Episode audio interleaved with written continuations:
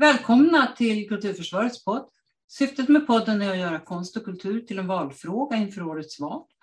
Jag som leder samtalet heter Ulla Bergsvedin, är frilansande skådespelerska, kulturdebattör och grundare av Kulturförsvaret.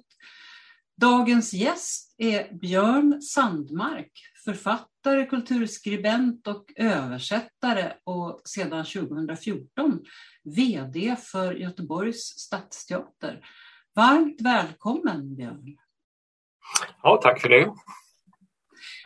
Vem är Björn Sandmark och vad upptar din tid som mest för närvarande?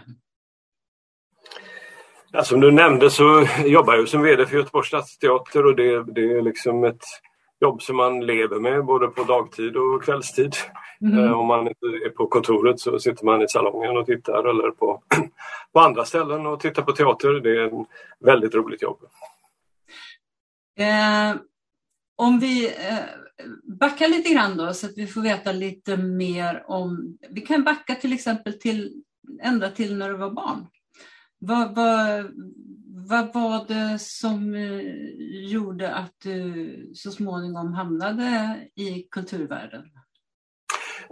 Egentligen från början är det nog mitt eh, stora intresse för litteratur. Jag hade snälla föräldrar som läste för mig väldigt mycket och jag blev väldigt fångad av litteratur redan som, som barn. Och så fort jag kunde läsa själv så, så började jag läsa illustrerade klassiker då när man gick i andra klass eller någonting sånt där och sedan fortsatte jag med litteratur och det har liksom följt mig genom livet. Så att, eh, jag, jag tänkte att jag ville jobba med litteratur på något sätt eller, och, och insåg att det eh, ja, det finns inte så många sätt att försörja sig på det. Så att jag utbildade mig till lärare i svenska och eh, gick också ett tag på forskarutbildning i litteraturvetenskap och höll på med det under rätt många år. Eh, och sen gick jag vidare och jobbade som skolledare några år och utbildningschef för gymnasieskolan i Mölndal i sju år var det väl. Sedan bytte jag till kulturförvaltningen då i Göteborg 2008 där jag var i sex år. Och eh, sen har jag varit på Göteborgs stadsteater sedan 2014. Då. Men under tiden så höll jag på också med både översättning, framförallt från tyska, för jag jobbade i Tyskland några år också.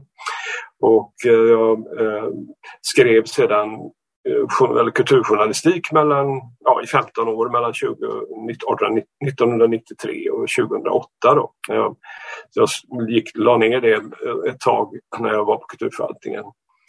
Eh, men tog upp det igen sen några år senare, för jag tycker det är kul att skriva. Mm, och det ska vi återkomma till också. Eh, och det här med eh, tyska, det är lite intressant tycker jag för att du, du lärde dig faktiskt tyska eh, genom att läsa och undervisa. Så du är en autodidakt på det kan man säga. Ja, jag, jag hade ett par år faktiskt. Jag lärde mig att böja börja substantiv i olika kasus och sånt där i, i, ehm, i, gymnasiet. Men sedan så lärde jag mig egentligen av min eh, tyska fru som, som jag var tillsammans med i 30 år nästan, eller 29 år innan hon gick bort här för ja, ganska exakt 10 år sedan. Och eh, vi pratade tyska hemma och sedan flyttade vi ner till Tyskland 1988 och då undervisade jag eh, svenska och norska på universitetet i Erlangen. Eh, och där stannade vi ända till 1992 och det var en fantastisk tid att bo i Tyskland när muren föll och allting, eh, hela världen förändrades där i positiv riktning. Eh, får man väl ändå säga. Och det, det mm, gjorde att jag fortsatte, borrade ner mig också i tysk litteratur eh, på ett annat sätt än jag gjort tidigare och fortsatte med det sen när jag kom hem för att inte tappa språket då, kan man säga. Vi ska återkomma till det också. Eh, men först ska jag fråga, varför anser du att det är, det är nästan en dum fråga att ställa till dig naturligtvis, men jag frågar ändå för att jag ställer den här frågan till alla. Varför anser du att det är viktigt att föra in konst och kultur i debatten inför höstens val? Jo, men det, det, har ju visat sig, inte minst nu under, under pandemin, hur otroligt betydelsefullt det är med och hur många människor som faktiskt är involverade i kulturlivet på olika sätt och på olika nivåer och sådär. Och det är ju eh, en väldigt viktig fråga för, för många eh, människor, både på större städer och ute på Eh, ute längre ut i, i landet. Så att, eh, det är väl jätteviktigt att det är en, en eh, politisk fråga i valet och att den inte försvinner där bland annat. Mm. När du blev utsedd till VD för Göteborgs stadsteater så svarade du på frågan från journalister om hur du ville förändra teatern att du skulle börja med att lyssna. Och jag minns att vi i branschen vi tyckte att det lät väldigt förtroendeingivande. Vad, vad var det du fångade upp och vilka slutsatser drog du av det? På mitt andra rektorsjobb eh, på eh, Alström gymnasiet i Alingsås så pratade jag med en lärare som jag var, eh, han var så att säga, höll i, i ämnet samhällskunskap, var liksom ämnesansvarig för det. Och eh, jag frågade honom vad han tyckte att jag, eller hur jag skulle göra, vad jag skulle jobba med på, på gymnasiet där och då sa han att du ska veta en sak Björn, vi, vi som jobbar här, vi, vi är inte intresserade av förändring. Mm. Vi är intresserade av förbättring. Mm. Och eh, det gav mig en tankeställare. Va? Och det, det, jag tycker inte att man som, om man kommer som ny chef någonstans så ska man inte gå in med ingången att man ska börja förändra utan man måste se hur funkar det och finns det något behov av förbättring då kan man jobba med det.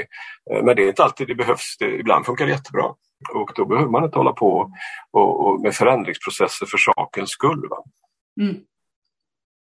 Sen var det ju så att äh, även på Göteborgs stadsteater så fanns det vissa önskemål om om, om att se över organisationen, inte minst ifrån de fackliga organisationerna. Och, och det jag sa svarade de på samma sätt att jag vill gärna se det först innan vi kan gå vidare med det. Men nu när vi fick möjlighet att bygga om teatern här nu då som började 2020 och var klart i höstas så passar vi på också att se över organisationen för att eh, förändringarna, eller de här förändringarna som ombyggnaden förde med sig ledde också till att vi behövde göra en del förändringar i organisationen för att bättre matcha de nya förutsättningarna helt enkelt. Så det har vi gjort nu då. Mm. Eh, innan du började, eh, hade du någon föreställning om hur det skulle vara att vara VD för en teater och i så fall blev det som du hade tänkt det? Jag hade väl inte någon speciell tanke om hur det var. Jag kände ju eh, Ronny Hallgren eh, rätt väl redan innan så han berättade ju hur det var på teatern och det motsvarade ungefär vad jag hade tänkt. Alltså det, det är en väldigt spännande och kreativ organisation och väldigt många starka viljor och, och, mycket glädje och alla jobbar framåt mot scenen på ett sätt som är helt underbart. Så att jag, jag um, um, det enda jag kan säga är att jag, jag, det var faktiskt ännu roligare än jag trodde när jag började. Härligt. Du är som du har varit inne på, är du författare, du är översättare, du är kulturskribent. Men du går bara in i diskussioner om texter som ni eventuellt ska spela ifall någon ber dig. På vilket sätt deltar du i de fallen som du blir ombedd? Nej, alltså det, jag eh, har som i min roll så har jag liksom ingen, ingen roll i det konstnärliga arbetet utan det är ju det övergripande administrativa arbetet kan jag säga. Däremot så, så driver ju teatern och det var Anna Tackan som startade den en blogg som heter Teaterrummet och den, där publicerar vi då med jämna mellanrum eh, ja, texter om teater ur olika perspektiv. Och där är jag med i redaktionen i den gruppen tillsammans med dramaturgerna och en producent. Då. Så att då blir det lite sånt textarbete där. Jag har skrivit någon enstaka text själv och jag har liksom, ja, varit redaktör för några saker. Då. Ibland, det finns enstaka regissörer som av olika skäl eh, vill också att jag ska läsa deras manus och då gör jag förstås det. Men mer blir det oftast inte. Jag översatte en, en pjäs en gång också faktiskt eh, eh, av Cindy Harris som heter How to hold your breath som sedan också spelade på Dramaten under en tid, i, eh, något år senare, på mm. regi av Lena Endre. Eh, tycker du att du har haft någon nytta av att du hade uppdraget som kulturchef när du rekryterades till vd-posten? Alltså jag menar inte att du blir en VIP-person utan att du hade mer kunskaper som gör det lättare att kommunicera med den politiska nivån än kanske någon som inte har varit inne där. Jo, och när jag började som kulturchef hade jag tidigare jobbat i en politiskt styrd organisation i samma befattning i Mölndal då, som utbildningschef. Mm. jag har jobbat nu då i, faktiskt i 21 år i motsvarande positioner då, som, där man är ansvarig för verksamheten gentemot en nämnd eller en styrelse. Så jag tycker att jag ja, hyfsat insatt i hur det fungerar och, och när det gäller kulturnämnden så var det också så att, att jag satt tillsammans med Ronny Hallgren eh, någon gång om året i samtal med eh, både Göteborgs stad och Västra Götalandsregionen utifrån våra specifika perspektiv. Då. Så att eh, jag, jag kände till det ganska väl hur det fungerade också inom teatern. Eh, så att det, jag kände mig väl, väl förberedd för det kan jag säga. Mm. Du är en varm förespråkare av ensembler. Varför och tror du att det kommer att vara möjligt att hålla sig med en bred ensemble i framtiden? För det har ju minskat rejält under de senaste decennierna inom alla institutioner. Ja, Göteborg kom ju det, det, stora slaget 1998 när man gjorde en väldigt stor omorganisation och drog ner på verksamheten med, jag tror det var 45 procent eller någonting sånt där. Eller var nästan hälften i alla fall. Och, eh, och jag har sett att detta äger rum på olika håll, också i olika skala då, eh, runt om i landet också och inte bara i Sverige. Men eh, alltså jag tror ju, eller alla som jobbar på teatern oavsett position, om man jobbar i administrationen eller i restaurangen eller i, i verkstaden, alla jobbar ju framåt mot scenen och det, ensemblen och skådespelarna är ju de som står på scenen och det är liksom på något sätt eh, en väldigt målstyrd organisation och verksamhet på det sättet. Kulturförvaltningen var det var museer och bibliotek och fria kulturlivet. Här är allting pekar framåt scenen på Stadsteatern och på Backa och nu sedan några månader tillbaka även på Stora Teatern. Och det, det, det genomsyrar, tycker jag, verksamheten i väldigt hög utsträckning. Och, och det är också där den konstnärliga utvecklingen ju faktiskt sker då, givetvis i samspel med övriga inom den konstnärliga enheten, som den konstnärliga ledaren som lever arbetet och dramaturger och andra som står för långsiktigheten i detta också då tillsammans med skådespelarna. Så därför tycker jag att det är eh, otroligt viktigt att man har en levande ensemble som, som jobbar ihop och gör gemensamma saker och spelar tillsammans förstås. Och, och liksom, det är ändå på något sätt eh, teaterns hjärta som jag ser det. Jag tänker också på det här med så att säga, förankringen i stan. Eh, är det också något som du tänker på är viktigt då, just med ensemble? Ja, det kanske man kan säga. Jag vet inte, jag har inte tänkt på det ur det perspektivet. Men, men ehm, alltså, det är lite olika eh, ingångar man har. Alltså, som stadsteater, det är ju göteborgarnas teater och då är det viktigt att, att på något sätt eh, den tar en tydlig plats i Göteborg och spelar för göteborgarna och givetvis för alla andra som vill komma. Eh, och där har väl ehm, på ett sätt är det förstås bra att man har en fast ensemble som, som då bor i stan också och som eh, så att säga eh, finns ute i samhället och, och, inte bara på scenen. Det här med Stora Teatern, det är ju rätt nytt. Eh, mm. vad, vad, innebär det uppdraget? Varför har ni fått det så att säga?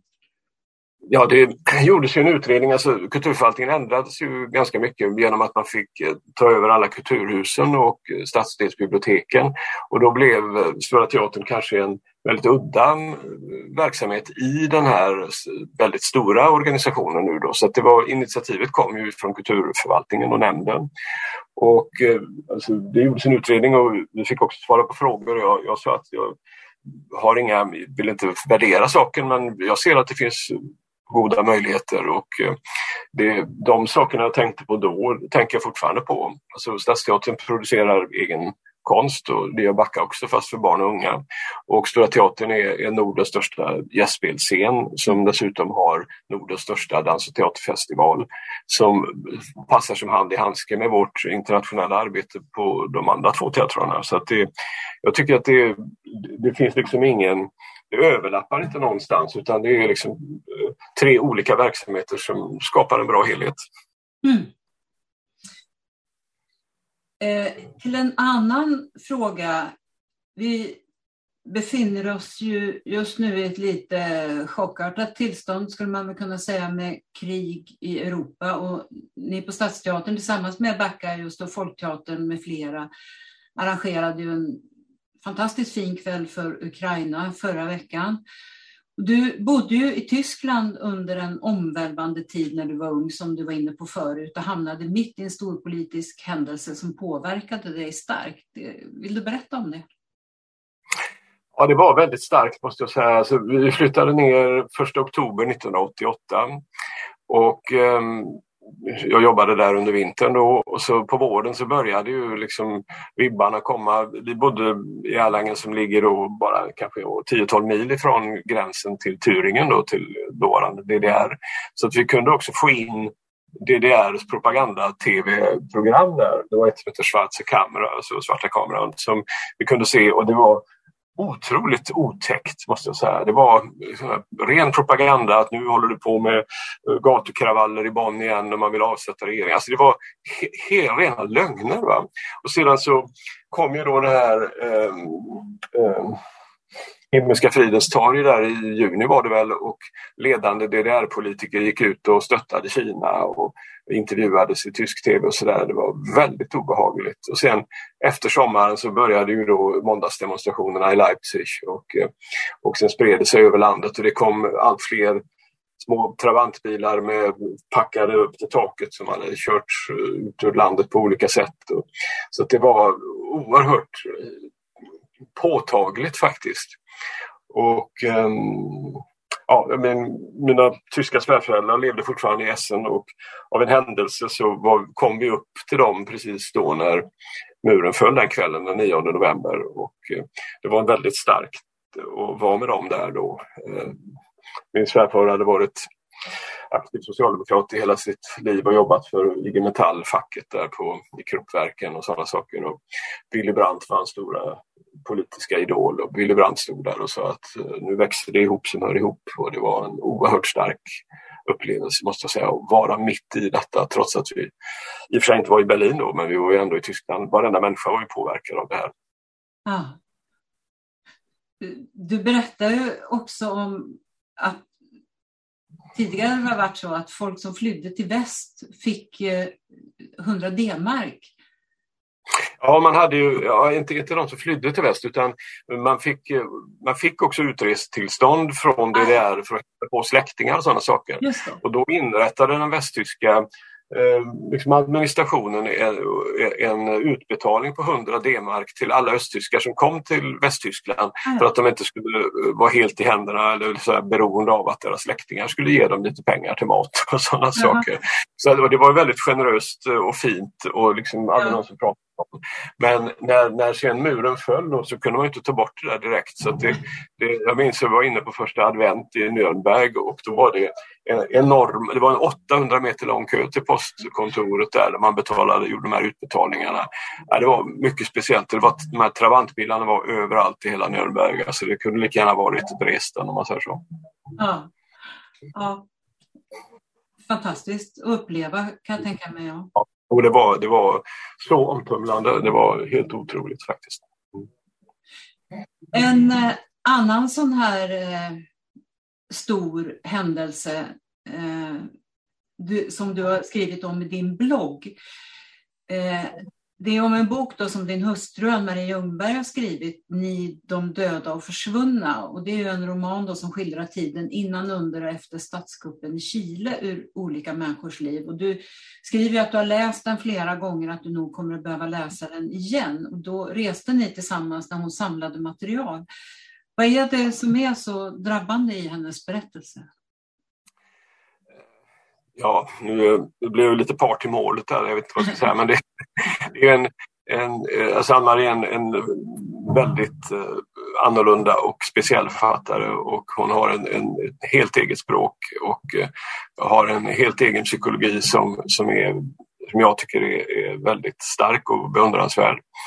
Och, ehm, ja, hon, hon gick in i det här med allt som hon kunde under tre års tid, alltså från 2015 till 2018 och läste allt. Det finns mycket film på Youtube man kan se från, ja, från själva statskuppen faktiskt, hur de uh, här eh, flygplanen flyger in över la, la, uh, vad heter det Moneta, Moneta, uh, alltså den själva presidentpalatset och bombar det och, och liksom inifrån när Allende så tar farväl av sina närmaste medarbetare. Alltså det, det, är otroligt starka skildringar som man kan både läsa och se på, på film.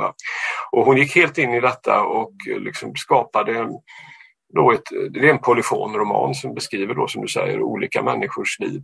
Eh, och det är alltifrån eh, av fattiga studenter som hamnar ute på gatan i, i kravaller till, till eh, Pinochets eh, självgoda eh, spekulerande över den, den grundlagen han tryckte igenom efter eh, statskuppen och sådana saker. Så det, och de här, ja, det är polyfonroman som sagt, de här berättelserna flätas in i varandra och eh, ger en sorts helhet som, som ur mitt perspektiv är väldigt eh, stark. Men ni reste där också 2018 tillsammans och träffade människor? Ja, precis. Både hon och jag fick faktiskt stipendium från Författarförbundet och vi åkte ner till Chile och var förstås i Santiago och kollade av alla relevanta platser där, alltifrån Minnesmuseet till Militärhögskolan. Och sen var vi ute i Valparaiso då där ju själva statskuppen inleddes den, på morgonen då, den 11 september 1973. Och eh, jag såg just på Minnesmuseet där en helt fantastisk bild på den första fregatten alltså som, som låg, de, det ligger längst ut vid en stor pir, så att säga, de här militärbåtarna. Och där plötsligt lossar en, en fregatt då förtöjningarna och går plötsligt in mot centrum i Santiago. Och det var liksom upptakten till den här statskuppen. Och man gick in med båten rätt in till eh, Plaza de Armas och gick i land och gick in på marinkommandot och tog över. Och då hade man ju också då ehm, förberett och man kuppade också överallt runt om i landet på alla radiostationer utom en radiostation eh, och det var Radio Magellanes i Punta Arenas som ju ligger längst ner i söder vid eldslandet. Och eh, där lyckades då faktiskt eh, Allende prata till folket innan han sköt sig själv eh, och, på sitt rum. Och det, den där bilden på, på den här fregatten som vänder sig mot sin egen stad, va? Alltså, den har jag inte kunnat glömma. Jag har tyvärr inte heller kunnat hitta den igen. Jag har letat på nätet efter den. Mm. Ah. Och det var, det var väl också så att skottet när han sköt sig själv sändes också? Ja, det hördes i radio också, ja, i direktsändning. Ja. ja. Du har ju själv nyss gett ut en bok om poesi, prosa och politik. Eh, berätta vad det är för bok. Alltså det, det, egentligen, det var inte tanken att det skulle bli en bok. Jag, som jag skrev, eller har sagt, så tycker jag det är väldigt roligt att skriva, särskilt mot deadline. när när det kom, uppstår en ny fråga och så försöka då liksom hitta något perspektiv och skriva. Det höll jag på med på hela 90-talet i eh, både Expressen och Göteborgs-Posten. Och jag tycker det är väldigt roligt, alltså, när, inte minst när man har liksom kniven mot strupen. Sådär. Eh, och, så att, eh, och då fick jag av en, en slump möjligheten att börja skriva krönikor i Dala-Demokraten 2016. Och det, det höll på så pass länge så att, eh, och så tog det slut nu i höstas för man ville då jobba med mer lokala skribenter vilket jag fullt förstår och respekterar. Men då, då tittade jag på det här materialet jag hade gjort och då såg jag att det var ganska mycket egentligen. Och den typen av böcker ges inte ut riktigt lika ofta nu som det gjorde förr. Eh, var en annan tanke. Jag tror inte på särskilt många läsare utan det kan ju vara en annan som, som av en slump som du liksom börjar läsa den. Men, men det, det, var mer för min egen skull kände jag att det var väldigt kul att få samlat de här krönikorna då. Och det är liksom ett format där på 3000 tecken som inte alla gillar att skriva i men jag tycker det är ett rätt bra format. Man kan få med två tankar om man säger så. Ja, det är, ju, det är ju det svåraste som finns att skriva kort och ändå så fullödigt eh, som du gör. Eh, jag sa ju precis här innan vi började spela in att när jag fick den här boken på posten så blev jag stående på köksgolvet och läste tror jag 35 sidor på raken.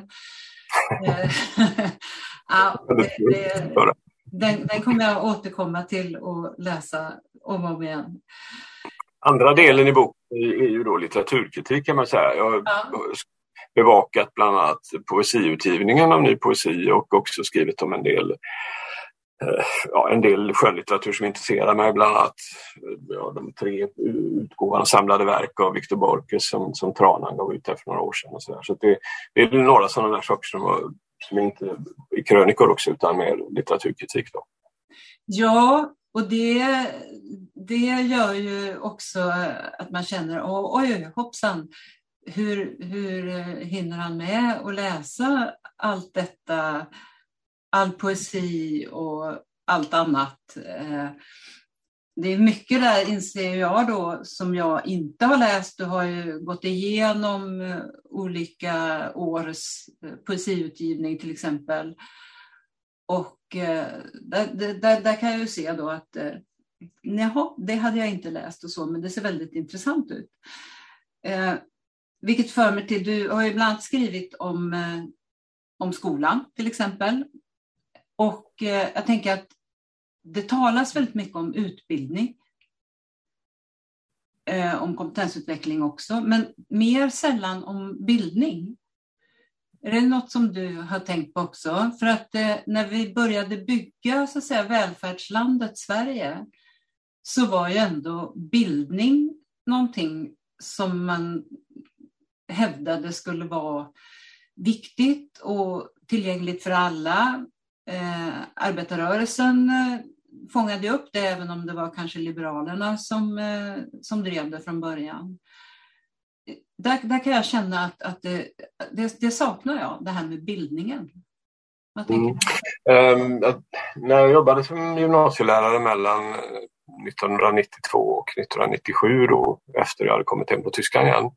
Då eh, eh läste jag förarbetena till den läroplanen för gymnasiet som kom 1994. Mm. Eh, och eh, jag måste säga att den var, hade ett väldigt gediget förhållande till bildningsfrågor och sånt. Och det, var en, det blev också en ganska bra läroplan. Sedan eh, så Alltså det, det, det finns några saker som har hänt i svensk politik som jag tycker som jag beklagar väldigt mycket och det är att man dels har gjort partipolitik av det mesta och, och det är två frågor som jag absolut inte tycker man ska göra partipolitik av och det är skolan och försvaret. Mm. Och försvarsfrågan är ju just nu aktuell som partipolitisk eh, punkt att bråka om och, och, skolan har varit det under åtminstone 20 år. Va? Mm. Och eh, det, det var ett av skälen till att jag faktiskt eh, slutade jobba i skolan för att jag, jag stod inte ut med det där längre. Det, det, det var en, en fruktansvärd bak, tillbakagång när, när, eh, när man körde på och när, den, den, när Björklund blev kulturminister. Alltså. Jag kritiserade honom hårt under hela tiden jag skrev i Expressen när han då drev de här frågorna om att återskapa liksom, folkskolan i Kina och sådär som var hans utgångspunkt. Och det, det, det blev precis sådär, det var, det var nästan statskuppaktigt alltså. Jag, jag jobbade då vi satt i ledningsgruppen för Västra Götaland, eller för Göteborgsregionen och vi, vi jobbade väldigt nära med alla gymnasiechefer Eh, i de elva kommunerna, eller vad det var, nio jag kommer inte ihåg exakt. Och vi hade otroligt många intressanta utvecklingsprojekt igång. Och forskningen pågick och det hände väldigt mycket. Friskolorna kom in men det var ännu inga bolag i den meningen utan det, det, det var en positiv utveckling. Och, och, skolresultaten låg fortfarande på ja, ledande nivå i, i, Europa och världen och inte högst kanske men ändå i toppen. Va? Och på valnatten där, jag kommer inte ihåg vilket år det var, kan det ha varit 2006, då hade vi inbokat dagen efter att åka över till Finland för Finlands skolpolitik var ju väldigt intressant ur många synvinklar och där var ju framförallt bildningsbegreppet tydligt. Och vi, eh, på måndag morgon skulle vi åka dagen efter valet och det gick ut liksom dekret från Björklund redan på natten så vi fick inrätta krismöten både på Landvetter innan vi åkte iväg och sedan när vi bytte plan på Arlanda hade vi också en två timmars konferens där vi fick avboka en lång rad grejer och styra om hela utvecklingen mot en helt annan skolpolitik. Och det var otroligt frustrerande måste jag säga. Mm. Och ett par år senare, jag vet 2008, det året jag slutade då där, så kom det elva nya regeringsdirektiv vill jag minnas fram till den dagen jag slutade och det var liksom hela tiden peta i detaljer, alltså om saker som man överhuvudtaget inte har en aning om från politiskt håll. Alltså jag tyckte det var fruktansvärt. Alltså. Oh, ja. En, en text, en av texterna i eh, din bok som är från 2016 eh, drabbade mig som jag älskar att läsa då hårt. Och det handlar om när du skulle sälja en bostadsrätt och mäklaren ville diskutera stylingen inför visningen. Berätta om det. Det var verkligen första gången jag upplevde någonting sånt där. Och det var, jag har ju släpat runt med mina böcker i alla år. Och det var, jag minns inte hur många, hur många, det är många som känner igen sig kanske. Och jag, jag tror det var säkert bortåt Eh, 150 kartonger eller någonting i den där stilen då när jag flyttade in i den där lägenheten. Och det, blev, det var ju några, någon en och en halv vägg eller någonting som var helt fulla då. Så gick vi omkring och tittade och liksom, jag, jag har, hänger också ofta upp ganska mycket bilder, så, här, så kallad rysk hängning, det får man väl inte säga i det här landet längre. när de hänger bredvid varandra så här, olika bilder för att skapa, liksom, jag har det på mitt kontor på teatern också. Men, eh, och så kom vi in i vardagsrummet där det var de här rätt många bokhyllorna då. Och så, så tittade hon på bokhyllorna så tittade hon på mig och sa att eh, ja, här är fint allting men böckerna, ta bort dem. Vad sa du? Att ta bort dem. Uh, jaha, men varför det? Nej, men det, vet du, det uppfattas som mossigt och gammaldags och sådär med massa mm. gamla dandiga böcker. Va? Det är ofräscht, va? så det säljer inte. Och det var jag blev väldigt chockad men eftersom jag ändå skulle flytta böckerna så, så fick jag göra det då. Och, eh, min bonusson hjälpte mig. Vi, vi, vi bar över dem till ett kontor som vi hade möjlighet att ställa dem och sådär. Så, det, var, det är där jag sitter idag faktiskt med en stor del av de böckerna, eller några av de böckerna. Ja. Fast om jag hade skulle köpa lägenheten, hade jag ju tyckt att det var häftigt. Ja, jo visst, men nu för att nå en större grupp, va? Vi, vi är några få har sådana här som, som tänker så. Men eh, för, för, att nå ut på en större marknad så var det viktigt att och liksom styla upp det lite med liksom, ja. präcka lampor och, och liksom sånt. det, det finns ju ändå fortfarande en diskussion om just läsandet av böcker och inte minst vad gäller barn och då specifikt pojkar och kanske med en klassaspekt också. Eh, hur ser du då som före detta lärare och, och även författare på det? Ja, det är ju ingen nyhet utan det har ju varit så under rätt många år. Det, det, var väl delvis så också eh, när jag jobbade som, som lärare. Alltså det, det, var inte riktigt, alltså internet var ju inte, fanns ju knappt på 90-talet, men, eller i alla fall inte i början på 90-talet. Och eh, eh tv var ju fortfarande inte utbyggt på det sättet som det är idag. Men, men det var ändå så att det var rätt många som, som slank undan. Men jag gjorde på det sättet som gymnasielärare att man man fick, eh, jag hade inga prov i litteraturhistoria och sådana saker. Däremot skulle, var man tvungen att läsa tre romaner per termin. Och då var det två utifrån en liksom, eh, lista då med, med, tips från olika tidsperioder och så fick man välja en fritt. Då. Och det gjorde faktiskt ja, 90 procent av eleverna och, och mm.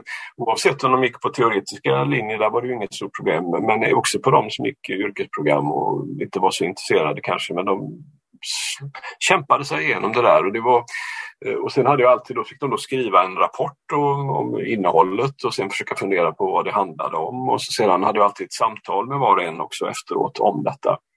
Och det var alltid väldigt kul. Och ibland märkte man då hur i början tyckte de det var jobbigt i årskurs ett och sen någon gång på våren i tvåan så började de förstå att herregud, det här handlar ju om livet. Och så kunde de få fantastiska upplevelser av, av, av plötsligt av litteratur. Va? Och eh, det var inte jättemånga kanske, men det var några, någon i varje klass eller några då. Så det, och så var det de som, som gjorde det för att de var tvungna, men, men som ändå kunde medge att han var inte så dum ändå, den här deckaren till exempel. Så, så, att man får jobba med det på olika sätt. Det var så jag gjorde. Eh, jag läste också för min dotter alltid varje kväll eh, liksom, och, och, sånt när hon var liten. På samma sätt som mina föräldrar gjorde för mig. Men det, ja. Jag har ingen, ingen recept för hur man ska göra. Däremot är det extremt viktigt att biblioteken finns kvar och att litteraturen, eh, liksom utgivning av litteratur inte försvåras och sånt där utan att man faktiskt fortsätter med det och ser till att den är tillgänglig. Och, och sen så eh, är det ju till stor del en, en, en sak som handlar om, om eh, ja, hur man förhåller sig till litteratur själv som lärare hur läroplaner och sånt ser ut förstås. Men som lärare har man ändå en viss pedagogisk frihet tror jag faktiskt ännu, ännu idag, även om det är mer styrt än det var för 30 år sedan. Mm. Eh, eh, en annan text som finns i din bok eh, 30 år sedan Berlinmuren föll, heter den texten. Den är från 2019. Där skriver de en bok som heter eh, Kultur und Politik av, nu vet jag inte om jag uttalar det här namnet rätt, men Wolf Lepenies. Ja, Lepenies uttalas det. Ja. ja. Mm. Och du skriver att boken handlar om hur nära konst och politik alltid befinner sig i Tyskland. Hur kommer det sig? Och varför tror du att vi som arbetar inom konsten här i Sverige ses som PK-elit i motsats till så kallat verklighetens folk från visst politiskt håll och i alla fall inte på något vis som oumbärliga annat än i vackert formulerade planer? Eh, ja, det är väl lite olika. Alltså, jag vet inte hur man ska bryta ner det på ett lätt sätt. Alltså, eh, en annan sak man säger om Tyskland är att det är ett land av Dichter und Denker, eh, aber auch eh, Richter und Henker, alltså diktare och tänkare men, men också av domare och bödlar. Va? Eh, och, och, det är en mycket större befolkning, det finns en, en större kritisk massa och har, har alltid gjort, eh, eller åtminstone under modern tid. Och eh, i Sverige har, har man ju gått en annan väg eh, och, och det är eh, har ju varit under 1900-talet och har ju ändå varit folkbildningen som du var inne på som, som har inte riktigt sett ut på samma sätt. Alltså, ännu idag har man ju Hauptschule va? och första fyra åren och sen så väljer man då eller grundskola menar jag, grundskola och sen Hauptschule då, om man då går den gamla eh, liksom, vad ska man säga, folkskolan då.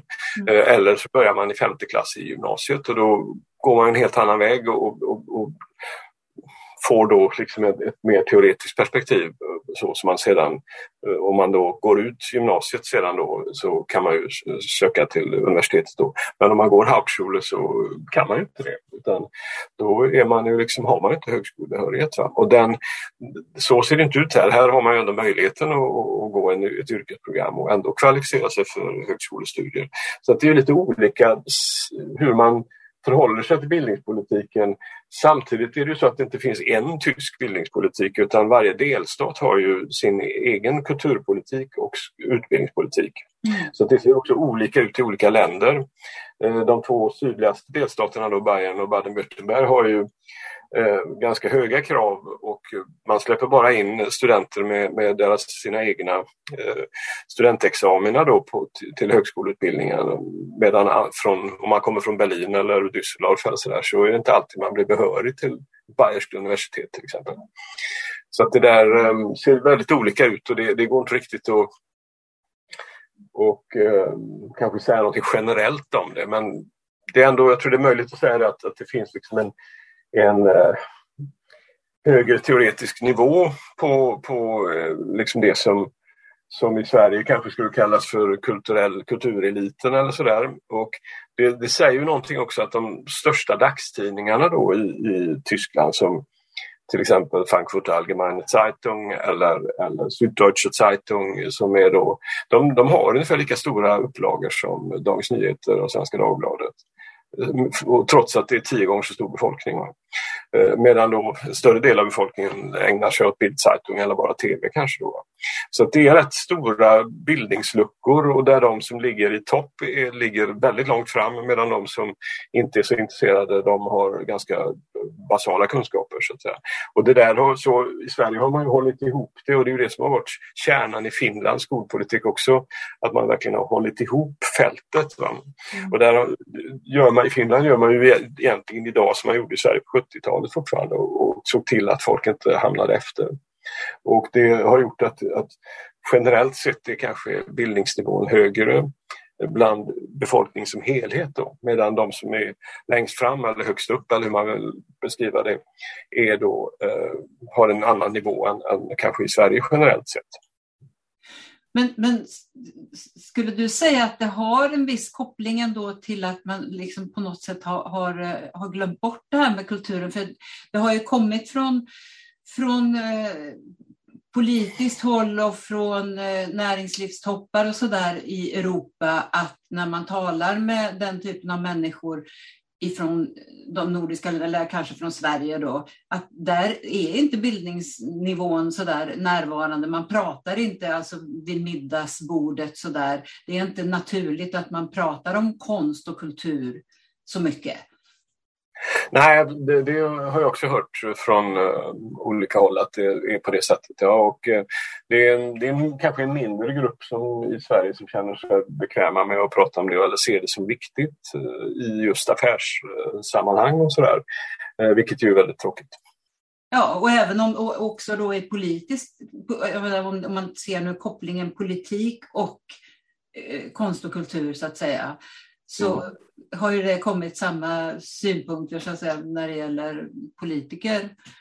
Och det är sällan man hör politiker tala om, alltså som inte är kulturpolitiker då, eh, tala om konst och kultur egentligen. Möjligen när de har avgått. Ja, jo det, så är det kanske men, men det, jag, jag skulle inte vilja säga, åtminstone inte i Tyskland, att, att det pågår den typen av debatt på, på, på nationell tysk nivå i politiken heller eftersom det är en delstatsfråga. Då, Så mm. att det, det, det, däremot så är, kan man väl säga att det är rätt eh, påtagligt ändå hur väldigt många ledande tyska politiker har disputerat eller har lång, lång högskoleutbildning eller sådana saker. Det är ju rätt vanligt. Alltså. Ursula von der Leyen är ju liksom disputerad i medicin om jag minns rätt eh, och eh, som nu är EU-kommissionens ordförande. Då. Så att det, det där är väl rätt vanligt. Jag tror det är på ett liknande sätt i Frankrike med de här elituniversiteten och sådär. Om det är bra eller dåligt, ja, jag har ingen uppfattning om det. Det är, det är svårt att veta. Mm. En annan fråga. Eh, en poet, Paul Celan, som ha, han har betytt mycket för dig, har du sagt. Varför, mm. varför då? Alltså det var, jag går också tillbaka till tiden i Erlangen. Jag hade inte hört talas om honom men, men eh, jag försökte ordna då seminarier med svenska författare och, och, och liksom litteraturvetare och sånt där på den tyska institutionen där jag jobbade. Men det, det, det väckte aldrig något intresse bland mina kollegor då, även om de föreläsarna pratade tyska i de flesta fall eller också åtminstone engelska. Eh, och, och, då fick jag veta att man precis hade startat ett, en sån här, ett forskningsprojekt om, eh, alltså, han heter ju då i Frankrike Paul Celan, men han var ju tysk från början och han, hans uppfattning var att i tyskspråkiga länder eller, eller germanska länder så ska det uttalas Celan då istället. Och, eh, och då tänkte jag att då, då, om jag kanske kan intressera dem genom att bjuda in någon som pratar om receptionen av Selan i Sverige. Och så hade jag precis läst um, om att eh, Anders Olsson hade gett ut en diktsamling tillsammans med Håkan Renberg, alltså översättningar av Zeeland till svenska. Så jag kontaktade honom och frågade om han ville komma och hålla en sån föreläsning och det gjorde han. Och det blev, då nöt de upp allihopa, så alltså det, var, det var 30 forskare där och satt och lyssnade. Det var ett oerhört intressant samtal och efteråt också. Och för att Eh, var lite insatt då så köpte jag en sån här utgåva med av hans främsta dikter och satte mig och började läsa och blev helt drabbad av den här otroligt starka poesin då som ju eh, han kom ju från Bukovina då ifrån Tjernovits som ju idag ligger i, södra Ukraina. Men då tillhörde Habsburgska riket och sedan Rumänien i några år. Och efter andra världskriget då till Ukraina eh, och Sovjet först.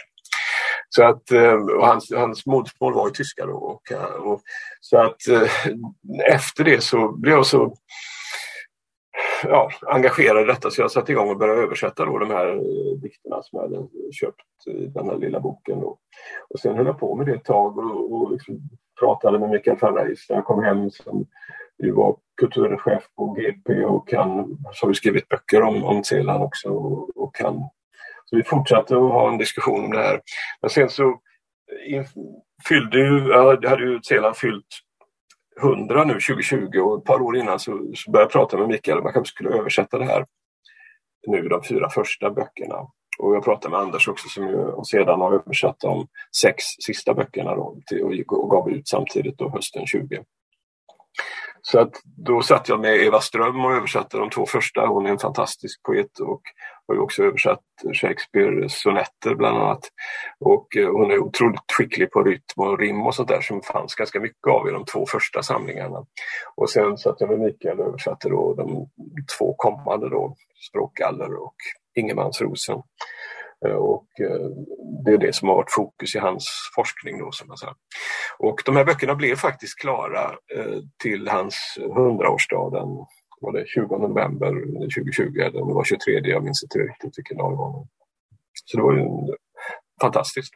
Och det roliga var att, att den viktigaste sekundärlitteraturen som vi hade för de två sista böckerna där, Mikael och jag, det var två böcker som hade skrivits då av de här forskarna i Erlangen som, som, som då hade varit med på det där föredraget då 1991. Han, han blev ju inte särskilt gammal. Nej, han, blev, han eh, tog ju livet av sig på sin 50, eller när han fyllde, det året han fyllde 50, alltså 1970. Dränkte sig sen. Ja.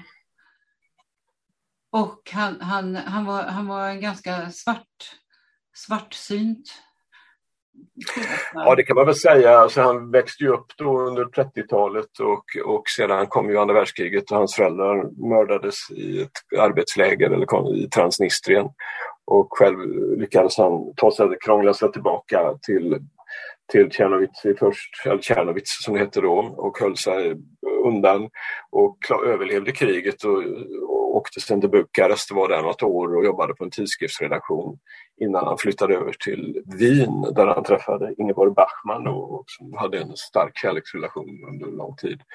Eh, och eh, sen därifrån flyttade han till Paris eh, och det var där han började publicera sina diktsamlingar och gifte sig med en fantastisk person som heter Giselle Lestrange Celan som var konstnär och tillhörde då en gammal sträng katolsk adelfamilj i Frankrike som ju, det var inte hur lätt som helst att komma med som statslös jude eh, dit, eh, om jag förstått saken rätt. Men den brevväxlingen dem emellan, det finns i två band det är bland det mest gripande jag någonsin har läst tror jag i den genren. Det är fantastiska brev alltså. och framförallt hennes brev är helt makalösa. Alltså. Är det, är det kärleksbrev eller är det så att säga, existentiella brev? Eller ja, det är allt möjligt men, men kärleken genomsyrar ju breven förstås. Va? Men, ja. men det, är, det är allt ifrån eh, liksom, Eh, kan du ta Erik till skolan, alltså sonen då, eller ja. till, till liksom sammanfattning av livet eh, när han hade bestämt sig för att, att dränka sig. Just det. Han ställde in ett möte med sonen innan han ja, precis. Mm. dränkte sig. Ja. Mm. Du, du, om jag minns rätt nu så eh, gjorde du någon slags parallell till när du skrev om Lars Norén i, i, din, eh, i din bok. Eh, var ju en väldigt viktig poet för Norén. Han, han använde sig av honom väldigt mycket och, och förhöll sig till Celan på många sätt. Jag pratade faktiskt med honom om det en gång också. Jag blev inbjuden när det var innan jag började på Stadsteatern, när, när Norén var konstnärlig ledare på Folkteatern. Så så ordnade man ju några år i maj sådana här läsningar av olika saker. Och då eh, fick jag frågan om jag ville vara med så att jag översatte då en av dikterna som jag sen eh, läste då där på Folkteatern, alltså på utsidan på torget mm. och på och då stod Norén där och hängde över sin cykel och lyssnade på den här läsningen. Och jag försökte också berätta lite grann om diktens tillkomsthistoria och sådana saker. Jag såg sedan att han skrev om det där i sin dagbok. Ah. Och det, var, det, var inget, det var snällt skrivet. Alltså det, han, han sa att jag var där och läste upp den här dikten och, och eh, han, han, tyckte att det var en okej okay översättning men jag tillförde inget nytt när det gäller kunskapen som han inte hade redan. och det var faktiskt inte så konstigt för att Norén bodde ju i Berlin precis där vid floden Havel som den här dikten handlade om. Jag kommer inte ihåg vad den heter. Men den handlade om Rosa Luxemburg och, och Karl Liebknecht och deras um, ja, liv där. Som, och då, då finns floden Havel med och det, just den sträckan där det, en del av dikten utspelar sig, där hade han bott i närheten så det var inte så konstigt att han kände till det. Ja, men det var, det var någonting där med aska som eh, var centralt i, i Selans eh, diktning och det hade väl med eh, förintelselägren att göra om jag förstod det ja, Precis. Det, det, finns ju fasansfulla berättelser om hur, vad som hände med den där askan. Man hällde den i floden Baxel och, och den rann ut i Östersjön. Och, och liksom, eh, Även Derrida har ju diskuterat Selans aska i en fantastisk eh, liten skrift där, där han konstaterar att även om man bränner någonting så finns det alltid aska kvar. Va? Askan går inte att förstöra och sådär. Och det, det finns en, en, någonting där i detta som, som jag tror att Selan också försökte närma sig på det sättet. Mm. Ja, och det har ju Norén, Norén har fångat upp det där. Va? Det har ja. han gjort. Ja, det, det, var, det var också väldigt spännande att försöka eh, se eh, och läsa om honom. Så tack för det. Jag har en avslutande fråga till dig. Ja. Vilket sätt och av vilka anser du att konst och kulturpolitiken bör debatteras inför valet? Så att det som står i alla kulturplaner blir tydligt att konst och kultur är viktigt för såväl samhälle som medborgare. Det är inte min sak att avgöra vem som ska diskutera saken. Alltså det, det är ju liksom lite grann vilket, vilken relation man har vilken roll man har och sådär. Men jag, jag har ofta vissa specifika frågor och starka politiska åsikter men jag har inga partipolitiska liksom, preferenser utan jag betraktar mig som fri i den meningen att jag kan tycka vad jag vill. Och, eh, eh, däremot så fort man närmar sig partipolitiken då så är det liksom inte mitt bord va? och därför så är det inte min sak att diskutera parti, partiers program och sånt där. Det, det är inte min grej. Däremot kan tycker jag det är väldigt viktigt att markera i politiska frågor som nu, och det var, jag var inte inblandad utan det var ju våra konstnärliga ledare som ordnade den här kvällen för Ukraina förra onsdagen till exempel och vi flaggar fortfarande med, med flaggan och sådär. Och det har Göteborgs stadsteater alltid gjort och tagit ställning i olika eh, frågor men inte i partipolitiska frågor. Då. Så att, men eh, jag är inte så orolig för det för det finns ju väldigt många engagerade, inte minst du själv och andra som driver eh, liksom, eh, kulturfrågor politiskt och, det har jag största respekt för men jag är inte med på den delen själv så att säga. Stort tack Björn! Mm, ja, tack för det, det var kul att prata med dig. Tack detsamma och tack för att ni lyssnade. Den som vill veta mer om Kulturförsvaret och om kommande poddar kan gå in på kulturförsvaret.se. Poddarna hittar ni på sidan och där poddar finns. Om ni vill gå med i vår Facebookgrupp så är det bara att gå in och ansöka om medlemskap. Gruppen är öppen för alla som är intresserade av konst och kultur och tycker att det är viktigt att konst och kultur och fri press och media diskuteras på samma villkor som andra politikområden inför valet. Tack och på återhörande!